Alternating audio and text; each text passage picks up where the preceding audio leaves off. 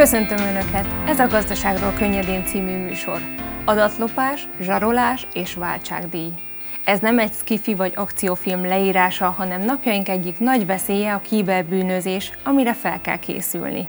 A járvány kapcsán a kiberbűnözők is nagy támadásba lendültek. Egy nemzetközi felmérés szerint még február elején hetente 5000 támadást regisztráltak. Júniusban már több mint 260 ezret. Mi is veszélyben vagyunk? Mire kell figyelnünk? Erről beszélgetek vendégemmel, Binder Istvánnal.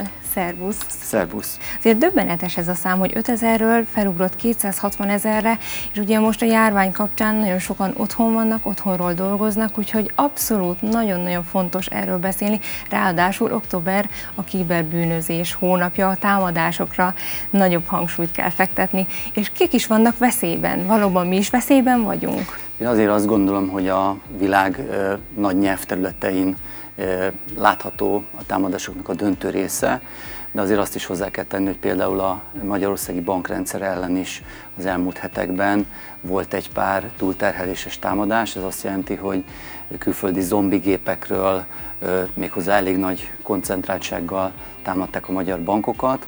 Ez ellen egy elég egyszerű védekezés van, le kell kapcsolni a külföldi szervereket átmenetileg, és tulajdonképpen így lehet tehermentesíteni. A magyar bankok, mint a közelmúltban is, és a távolabbi múltban is nagyon jól állták ezt a rohamot. Nem véletlen az, hogy Magyarországon nem annyira a bankok rendszereit próbálják föltörni, hanem ügyfél oldalról próbálnak hát, fogást találni. Ilyenkor mi az, amit keresnek ezek a bűnözők? Nyilvánvalóan a kulcs az adat, tehát olyan ügyfél adatokat próbálnak megszerezni, amelyeknek a segítségével utána akár vállalatok, akár magánszemélyeknek a bankszámlájáról pénzt tudnak leemelni. Erre többféle technika van, lehet például úgy, hogy kéretlen e-mailekkel bombázzák az ügyfeleket, hogy a bank nevében adjanak meg mindenféle adatot, akár álhonlapokra is rávezethetik ezeket az ügyfeleket, és ott kell ezeket begépelni. Elképzelhető az is, hogy főleg váltok esetében, hogy a megszokott partner helyett, beszállító partner helyett egy másik bűnöző jelentkezik, azt mondja, hogy egy másik számlára kell a beszállítói pénzeket, kifizetéseket utalni, és a gyanútlan vállalkozás odafizet pénzeket. A legújabb technológia az pedig az úgynevezett SIM-kártyás csalás.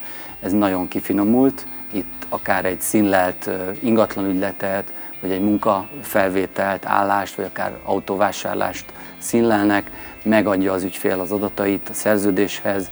Nagyon kedvesen még megkérik tőle, hogy ugyan már kattintson rá a monitora előtt a bankszámla, kinyitott bankszámla oldalára, ahol ott bizalmas adatok vannak, és utána bemennek ezekkel az adatokkal a telefontársasághoz, kicseréltetik a SIM-kártyát, azt mondják, hogy a régi az összetört, mint egy balesetben, és utána, ha megvan a új számra a SIM-kártya, akkor a mobilbank segítségével már szintén le tudnak emelni pénzeket. Említetted, hogy a bankok nevében kérnek adatot, és ugye a legtöbb ember bizonyos bankban van, és azért elég hihetőnek tűnik, hogy ha a bank kéri az adatokat és a bankszámla számot, meg a kártya adatot, de ugye azt elmondhatjuk, hogy a bank sosem csinál ilyet. De mit tesz akkor a, mit tehet akkor az ügyfél, hogyha ilyennel találkozik, hova tudja jelenteni? Az óvatosság az első, valóban bankok, pénzügyintézmények soha semmilyen bizalmas adatot nem kérnek e-mailben, telefonon sem kérik el például a PIN kódunkat, tehát legyünk körültekintőek.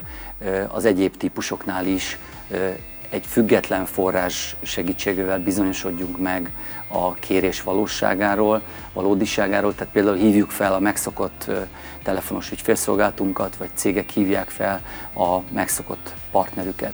Abban az esetben, hogyha megtörtént a legrosszabb, tehát mégis megadtuk az adatainkat, akkor nagyon-nagyon számít az időtényező.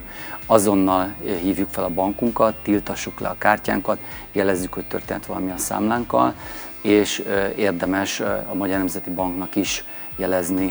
Ugye sajnos a járvány kapcsán egyre többet rendelünk otthonról, így már nem kell kimozdulni akár a nagy bevásárlásnál, akár valamilyen eszköztárgyat rendelünk, és ilyenkor igazán veszélyben vagyunk, mert ugye eddig a bankkártyán négy adatot kértek, és akkor ezt így szépen beírtuk, és akkor utána már is megtörtént az utalás, de ez aztán igazán veszélyes tud lenni most ebben az időben. Mi az, amivel esetleg még lehet ezt biztonságosabbá tenni? Sokan megszokhattuk már az elmúlt hónapokban, sőt az elmúlt egy évben, hogy a banki online műveleteknél, utalásnál már egy úgynevezett megerősített erős ügyfélhitelesítésre is szükség van.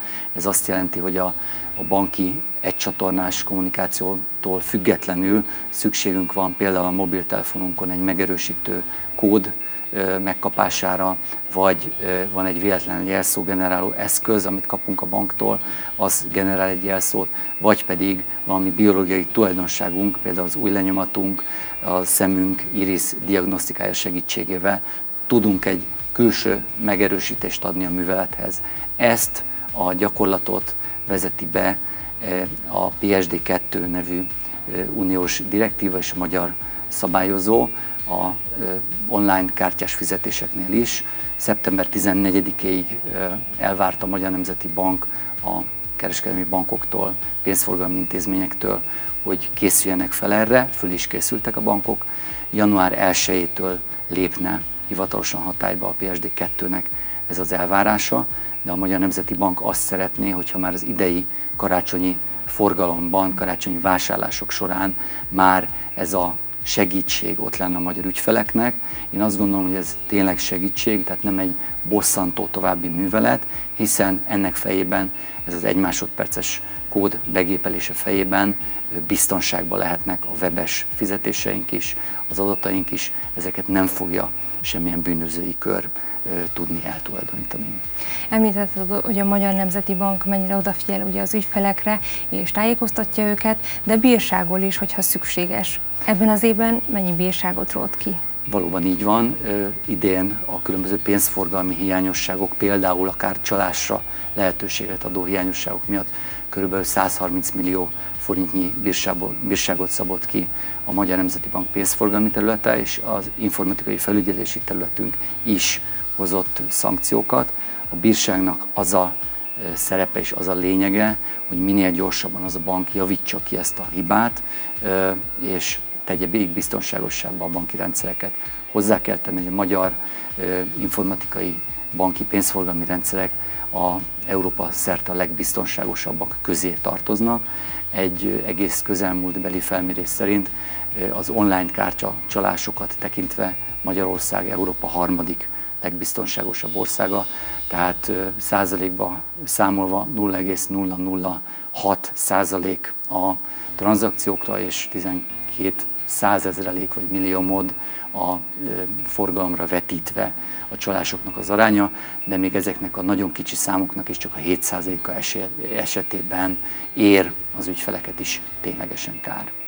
Ezt azért megnyugtató hallani, de ugye, ahogy említetted, közeledik a karácsony, és ott azért nem 10-20 forintos dolgokat vásárolunk, úgyhogy érdemes tényleg ezt a pár másodperces extra védelmet biztosítani, hiszen nem szeretnénk, hogyha a pénzünk oda jutna, ahova nem szeretnénk, és ráadásul ajándék nélkül maradnánk. Úgyhogy nagyon szépen köszönöm, hogy ezt mindezt elmondtad, és ahogy említettük, én nagyon megköszönöm a figyelmüket, további szép napot kívánok!